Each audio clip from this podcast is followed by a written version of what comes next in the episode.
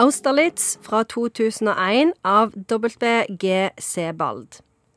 Jacques Austerlitz vokser opp hos fosterforeldre i Wales uten innsikt i hvem han egentlig er, eller hvor han kommer fra. Som voksen jobber han med arkitekturhistorie, og reiser hvileløst rundt i Europa for å prøve å minnes alt som har blitt utradert. Hvor er Austerlitz? Hørtes ut som et sted. Det høres litt ut som et sted, og jeg tror det er litt sånn eh, det, det er kanskje litt med vilje, fordi at det, Jacques Austerlitz han reiste jo veldig mye rundt i Europa og ser på disse historiske bygningene, og så prøver han på en måte å rekonstruere sin egen fortid. da.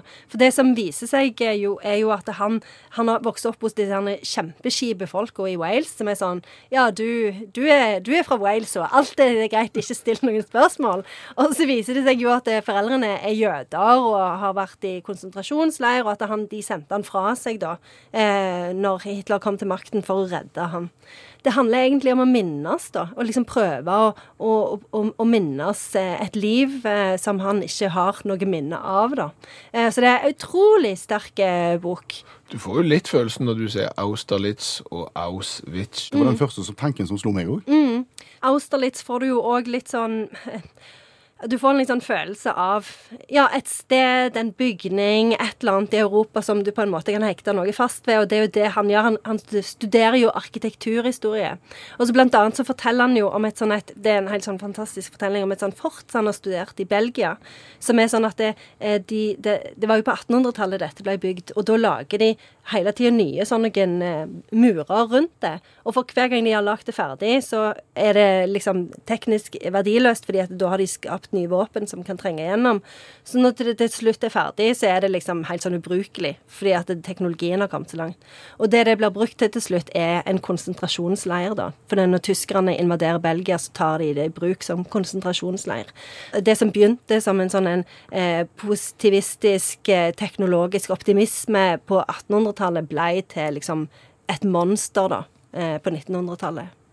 Men det høres jo ikke ut som en sånn gladsak. Det høres ikke ut som noe du tar fram på, på fredagskvelden for uh, rett etter Nytt på Nytt. Nei, det er ikke det, og jeg vil heller ikke anbefale noen å lese denne boka mens du sitter på flyet til St. Petersburg. det er heller ikke et bra tips. Selvopplevd? Ja, det ble mye grining. Jeg sølte kaffe på boka. det ble litt sånn kaotisk. Så, så, les han en fin sommerdag når du har det godt med deg sjøl. Men, men, den er helt fantastisk bra. Og, og, og det er bilder. Det er noen bilder innimellom. Det liker vi. Ja, det liker vi. Ja. Men, men C-ball, er uh, er han i slekt med énball og toball? Oh. og C-ball kom, og C-ball skrev, og énball og toball og treball og C-ball. Og så ga de ut Austerlitz. Nå vaste vi det til. Jeg hadde ikke tenkt på det. Det er ikke noe du kan bruke i særoppgave. Jeg ser den at den er litt på sida. Jeg har i hvert fall et sitat, da. Ja, gjerne. Hvis noen er interessert i det. Takk. Til og med i dag er det noe illusjonistisk og illusorisk over forholdet mellom tid og sted, slik vi oppfatter det når vi reiser.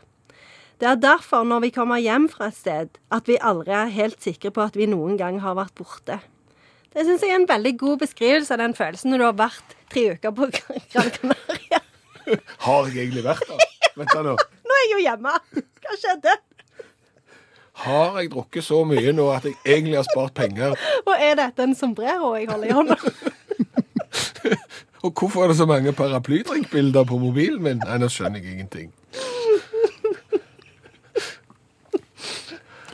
Vil du være grei å oppsummere Austerlitz for oss? Jeg syns det er litt urettferdig å be om det nå når vi egentlig har rota til noe som er alvorlig eh, og fint. Men kanskje en arkitekthistorie kan være en historie om hvordan verden har utvikla seg. Du ser på bygninger, du ser på ting, og så drar du parallellene. Kjempefint. Tusen takk, Janne Stigen Drangsholt, forfatter og litteraturviter.